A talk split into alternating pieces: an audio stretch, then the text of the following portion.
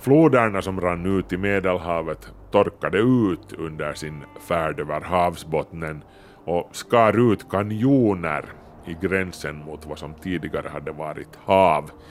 Nilens kanjon var minst 2400 meter djup, där som Kairo ligger idag. 10, 9, 8, ignition sequence start. 5, 4, 3, 2, 1, 0. Quantum leap. Salto quântico. Salto quântico. Salto quântico. Salto quântico. Quantismo. Salto quântico. Salto quantico. Salto Det du inte visste att du ville veta. Någonting stort döljer sig under Medelhavets vågor. Djupt nere under dess botten ligger någonting massivt och slumrar. Någonting vars existens forskarna är medvetna om, men som du kanske inte känner till. Jag talar om Medelhavets så kallade saltjätte. I veckans avsnitt av Kvanthopp ska vi höra hur den här jätten kom till. En jätte som får både kolossen från Rhodos och cyklopen från Odysseen att se tämligen futtiga ut. Men nej, saltjätten är inte ett levande ting. Inget urtidsmonster här, med andra ord. Ledsen om någon blev besviken nu.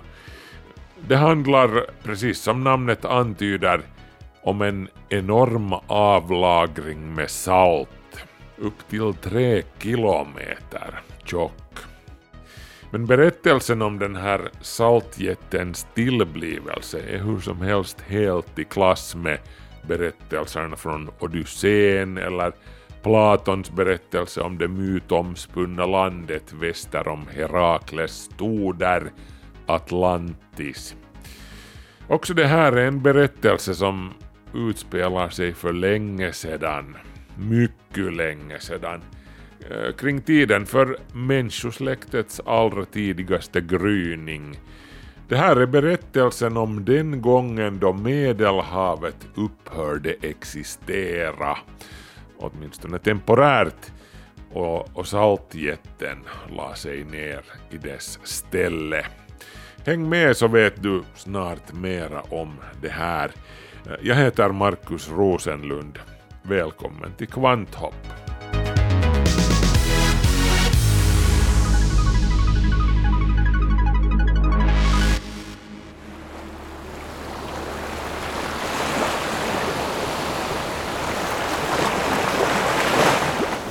Sedan 1800-talet har geologerna varit medvetna om att Medelhavets botten inte riktigt som andra havsbottnar.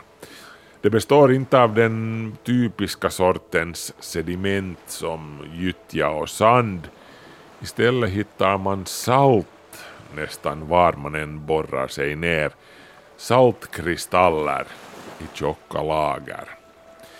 De här avlagringarna är så massiva att de ibland brukar beskrivas som Medelhavets saltjätte. Saltet bara fortsätter kilometervis neråt. Eh, den här sortens fenomen är nu inte direkt ovanligt. Sådana här avlagringar brukar uppstå var helst större ansamlingar av vatten har torkat ut havsvatten då Eh, vilket med andra ord antyder att Medelhavet under någon period i sin historia har avdunstat och torkat bort. Medelhavet har med andra ord förvandlats till en jättelik version av vår tids Döda havet. Eh, mestadels uttorkat men det lilla vatten som finns kvar är hypersalt. Men jag menar Medelhavet, romarnas Mare Nostrum, det är ju enormt jämfört med lilla Östersjön. Vi snackar om en yta på 2 620 254 kvadratkilometer och ett medeldjup på knappt 1500 meter. Från Gibraltar sund till Syriens kust är det 3860 kilometer. Och den totala vattenvolymen i Medelhavet är ungefär 4 250 000 kubikkilometer. Hur avdunstar en sån mängd vatten på så lite som tusen år?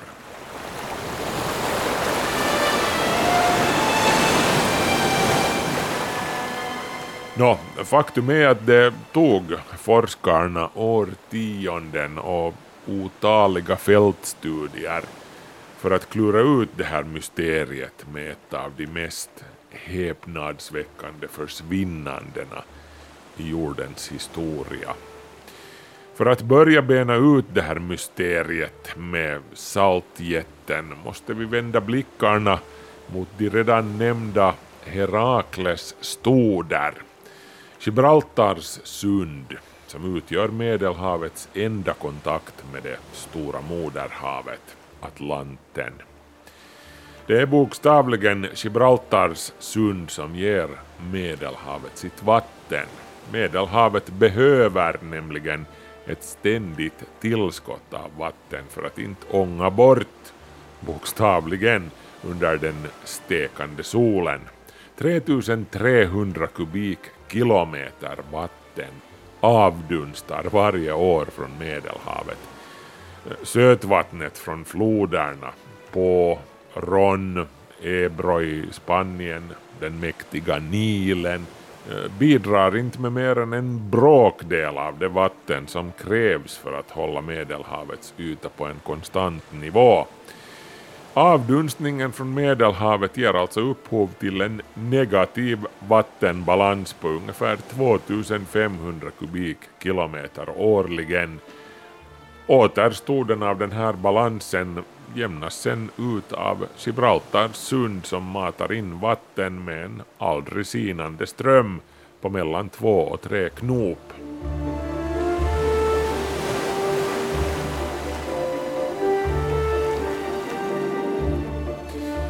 Den kraftiga avdunstningen har också lett till att Medelhavet har betydligt saltare vatten än Atlanten. Salthalten är betydligt högre i östra Medelhavet än i havets västra delar. Medelhavets kännspaka djupblåa färg och transparenta vatten beror uttryckligen på dess höga salthalt och bristen på tillförseln av flodsediment. Men för att förklara det faktum att Medelhavets botten döljer enorma saltavlagringar räcker det här inte. Då måste vi utgå från att vattnet i något skede måste ha avdunstat bort mer, mer eller mindre totalt. Och då kan den enda förklaringen vara att Gibraltar sund i något skede har varit tilltäppt och som det visar sig så är det här exakt vad som hände i samband med den så kallade messinianska salinitetskrisen för omkring fem och en halv miljoner år sedan. Men fortfarande återstår frågan, jag menar hur, varför? Det här är någonting som forskarna har grälat om sedan 70-talet. Hur gick det till? Hur länge pågick det? Längs med åren har det förekommit tre huvudsakliga hypoteser rörande det här. Den första utgår från en större nedisning, en global nedkylning som fick glaciärerna i norr och söder att växa. Det här band sen upp stora mängder vatten och ströp inflödet av vatten via Gibraltars sund helt eller delvis.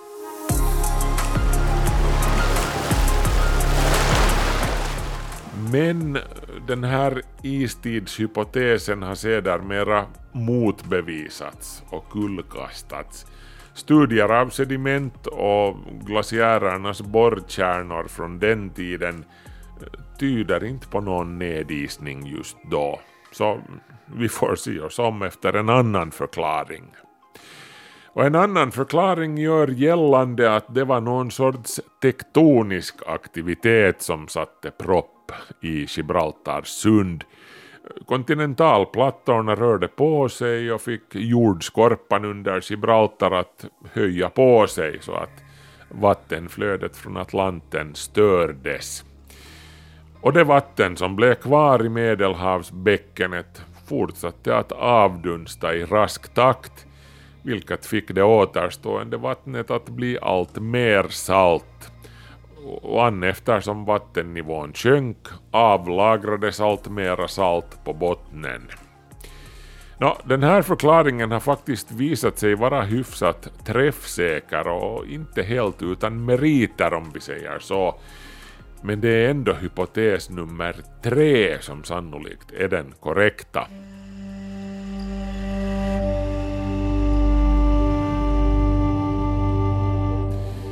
Hypotes nummer tre tar idén om kontinentalplattornas rörelse och kombinerar den med en lokal klimatförändring åt det torrare och varmare hållet.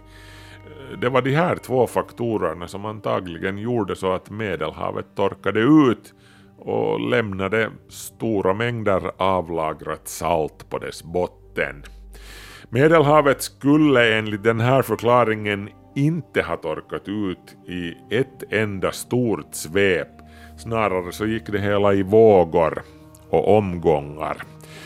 Också efter att kontinentalplattornas rörelser hade proppat igen Gibraltarsundet varierade vattennivån i Medelhavet upp och ner eh, beroende på hur varmt och torrt klimatet var i området under en given tidsperiod. Och det här har alltså sedermera bekräftats genom studier av sediment nära Nilens delta. De tyder på återkommande perioder av kraftig erosion när havsnivån sjönk och blottade marken och sen steg vattnet igen. Snarare så här än en enda stor och oavbruten erosion. Vissa forskare menar att det inträffade inte mindre än 16 större kast i klimatet bara under den inledande fasen av den messinianska salinitetskrisen.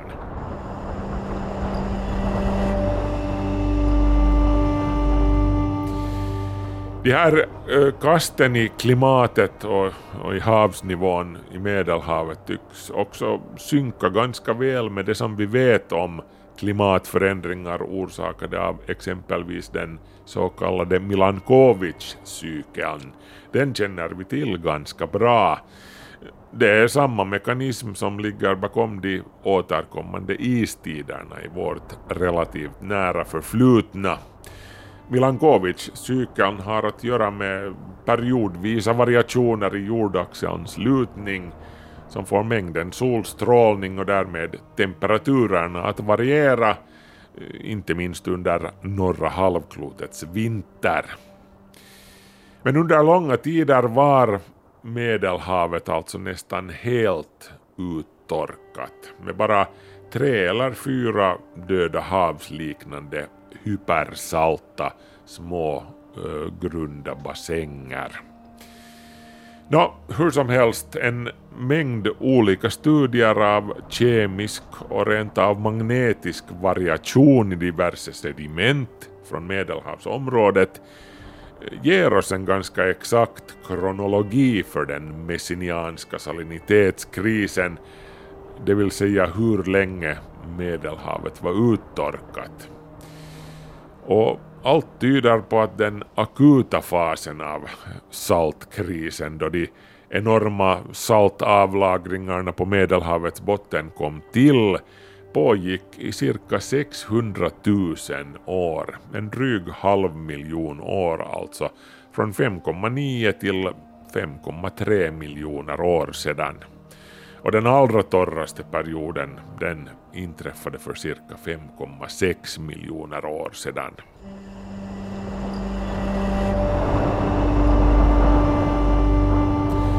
Under den här mest intensiva fasen av uttorkning då Gibraltars sund var helt eller nästan helt blockerat av tektoniska skiftningar och klimatet var som allra hetast och torrast sjönk havsnivåerna i Medelhavet med tusen meter under dagens havsnivå i genomsnitt.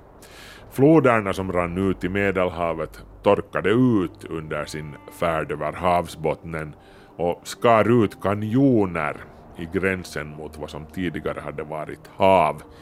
Nilens kanjon var minst 2400 meter djup, där som Kairo ligger idag. De grunda sjöar av vatten som återstod i det uttorkade medelhavsbäckenet blev sen hypersalta, vilket alltså fick en del av saltet att lägga sig på havsbottnen och avlagra sig där.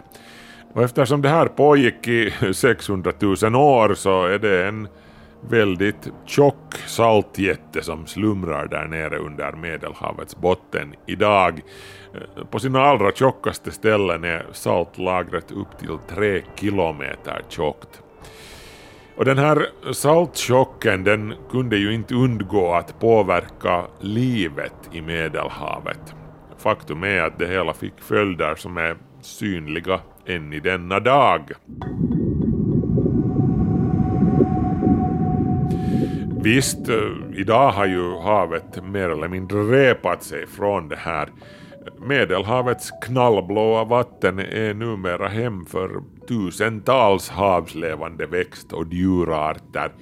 Men det är någonting skumt med floran och faunan i Medelhavet. Eh, Vid närmare betraktelse kan man se att det är väldigt ont om unika endemiska arter i Medelhavet.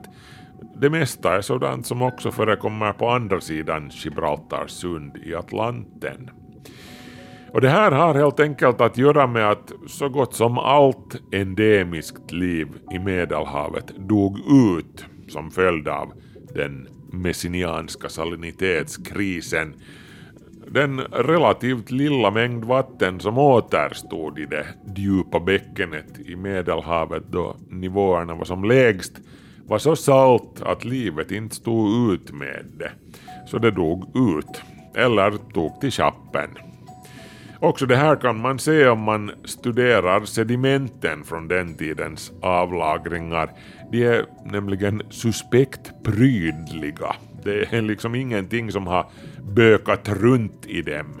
Inga småkryp som har krupit omkring och, och rört upp saker och ting på, på bottnen. Eventuellt kan isolerade stammar av blötdjur, huvudsakligen snäckor, ha överlevt i det hypersalta grunda vattnet. Men på det hela taget påminde det här som sagt om vår tids döda havet, där ju salthalten är så hög som 33 procent.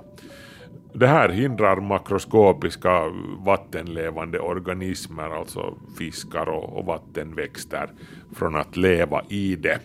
Det liv som finns i Döda havet handlar rätt långt om små mängder bakterier och, och mikrobiella svampar.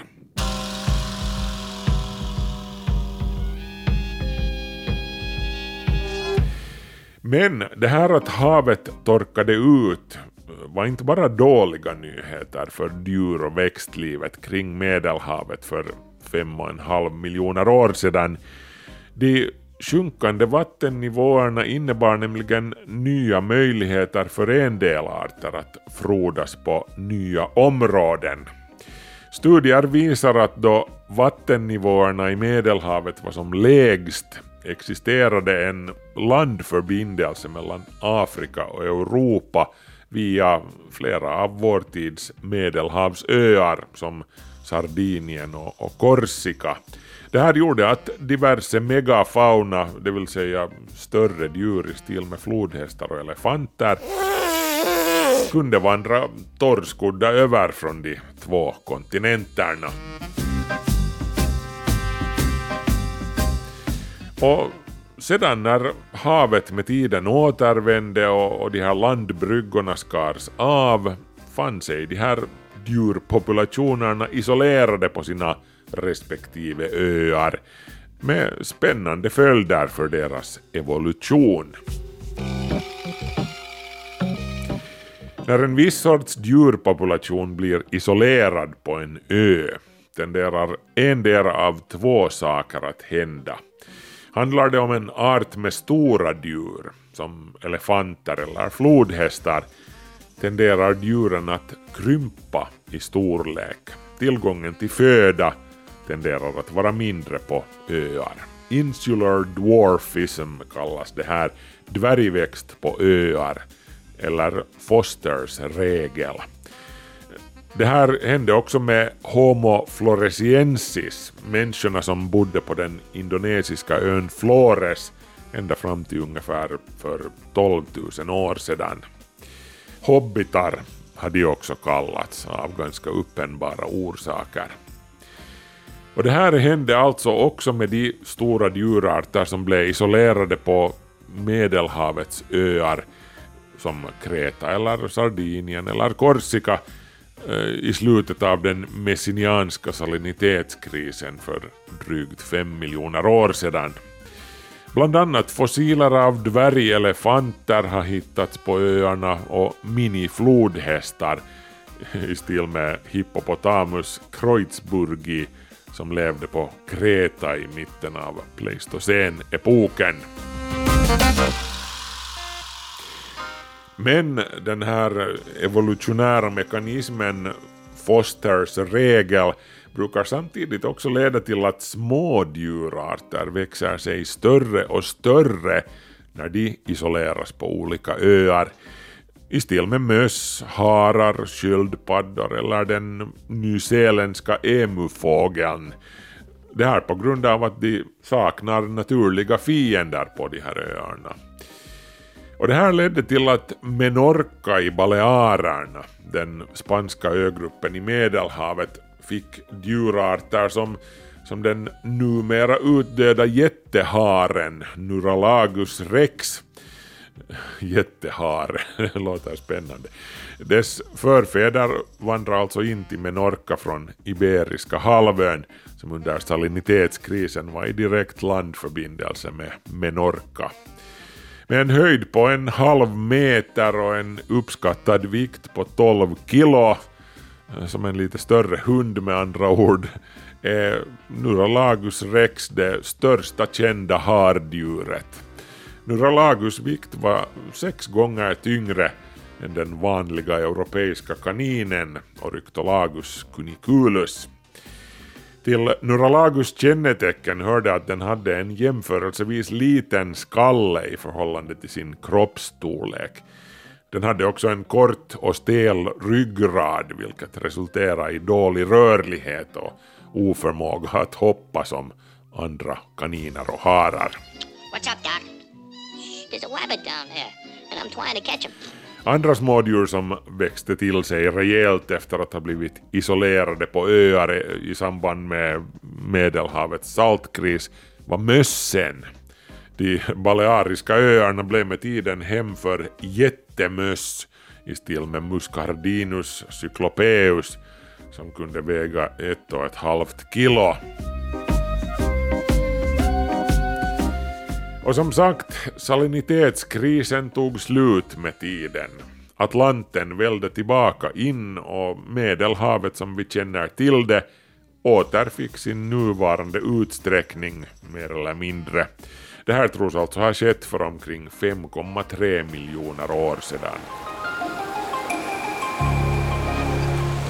Vad som hände då var alltså att kontinentalplattorna igen skiftade position en aning och jordskorpan omkring Gibraltars sund sjönk. Eh, kombinerat med erosion av den blockerande tröskeln eh, gav det här än en gång Atlanten tillgång till Gibraltars sund. Men precis som det har förekommit diverse käbblande om hur den messinianska salinitetskrisen började hade också grälats en hel del om hur det kom sig att den tog slut och inte minst hur fort det hela skedde. Från början föreställde sig många forskare att det hela tog slut med en enorm inom citat syndaflod. Att det var som om Atlantens mur hade rämnat i ett enda svep och havet rusade in likt ett gigantiskt Niagarafall. Det här skulle ha fått Medelhavsbäckenet att fyllas på bara några månader. Men sanningen var antagligen inte riktigt så dramatisk. Åtminstone förekom det knappast något enormt vattenfall vid Gibraltar. Geologiska data visar att havsbottnen vid Gibraltarsundet aldrig har sluttat så brant att det skulle ha gjort det möjligt för något regelrätt vattenfall att existera där. Däremot när Medelhavet välde tillbaka in och, och, och dränkte saltjätten var det hela snarare mer som en enorm flod. Inte en syndaflod alltså, utan en eh, helt uh, sekulär flod.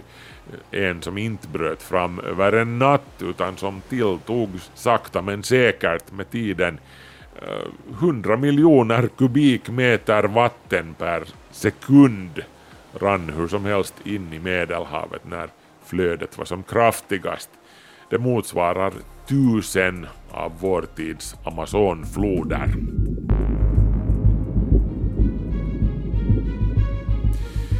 Och av allt att döma så gick det hela tämligen kvickt. Beräkningarna visar att Medelhavet kan ha fyllts till nuvarande nivåer på så lite som två år. Och det är kvickt med tanke på att salinitetskrisens torrperiod pågick i inalles mer än en halv miljon år. Den här mäktiga floden och, och dränkandet av Medelhavets saltjätte brukar numera omnämnas som Sanklefloden. Det här namnet kommer från det förromerska namnet Sankle för den italienska staden Messina.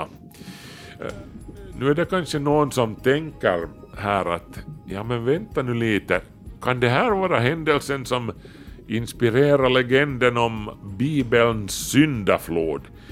Uh, nej, eh, vi ska komma ihåg att den moderna människan inte existerar ännu vid den här tiden. Inte ens den lite gammalmodiga människan. Eh, våra förfäder hade knappt ens gått skilda vägar med schimpansernas förfäder vid vid den här tiden då Atlanten rusade in och, och täckte över Medelhavets saltjätte. Eh, översvämningen som sannolikt inspirerar Bibelns syndaflod, eh, en händelse som går igen i, i olika versioner i, i många andra gamla skrifter från Medelhavsområdet, Eh, den skedde långt senare, om den har ägt rum på riktigt.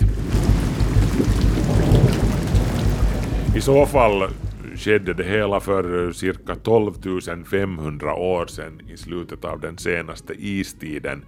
Eh, då hade Svarta havet länge varit en insjö isolerad från Medelhavet av en smal landtunga där som Bosporen ligger idag. Lite som hela Medelhavet var isolerat under den messinianska salinitetskrisen.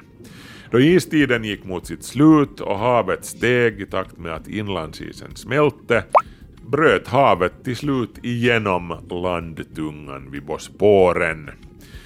Och väldiga mängder vatten välde på en kort tid in och dränkte allt och alla som bodde vid Svarta havets stränder. Vid det här laget fanns det redan gott om människor som bodde där. Vattennivån ska ha stigit med så mycket som 80 meter på en väldigt kort tid och vattnet ska ha täckt omkring 155 000 kvadratkilometer vilket motsvarar nästan halva Finlands areal. Och det här måste ju ha upplevts som världens ände av dem som bodde där vid Svarta havets stränder som något slags uh, gudarnas straff för människornas synder. Och med tiden så införlivades den här berättelsen i de stora eposen och de heliga skrifterna.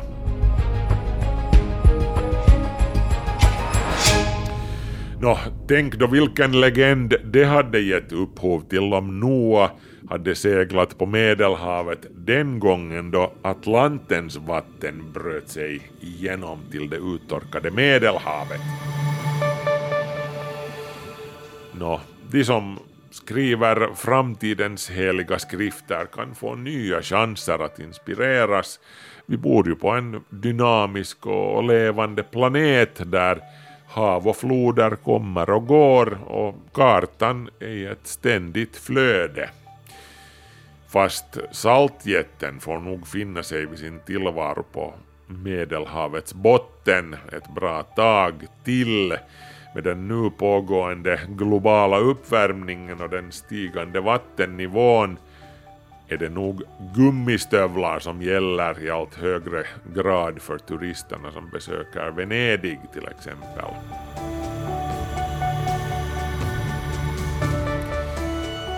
Men på lite längre sikt kan saltjätten räkna med att vädra morgonluft igen. Förr eller senare kommer nämligen Gibraltarsundet att bommas igen.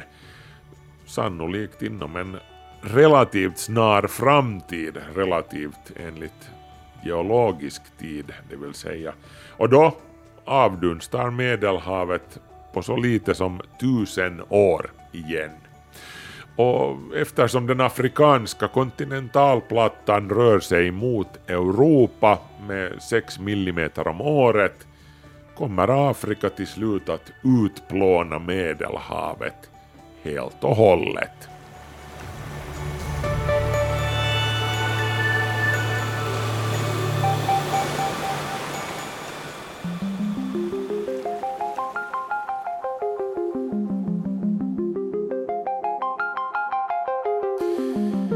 Det tar vi en annan dag. Nu är det slut på veckans kvanthopp. Markus Rosenlund så heter jag. Ett nytt avsnitt hittar du som vanligt nästa lördag på Yle Arenan. Ha det bra, vi hörs.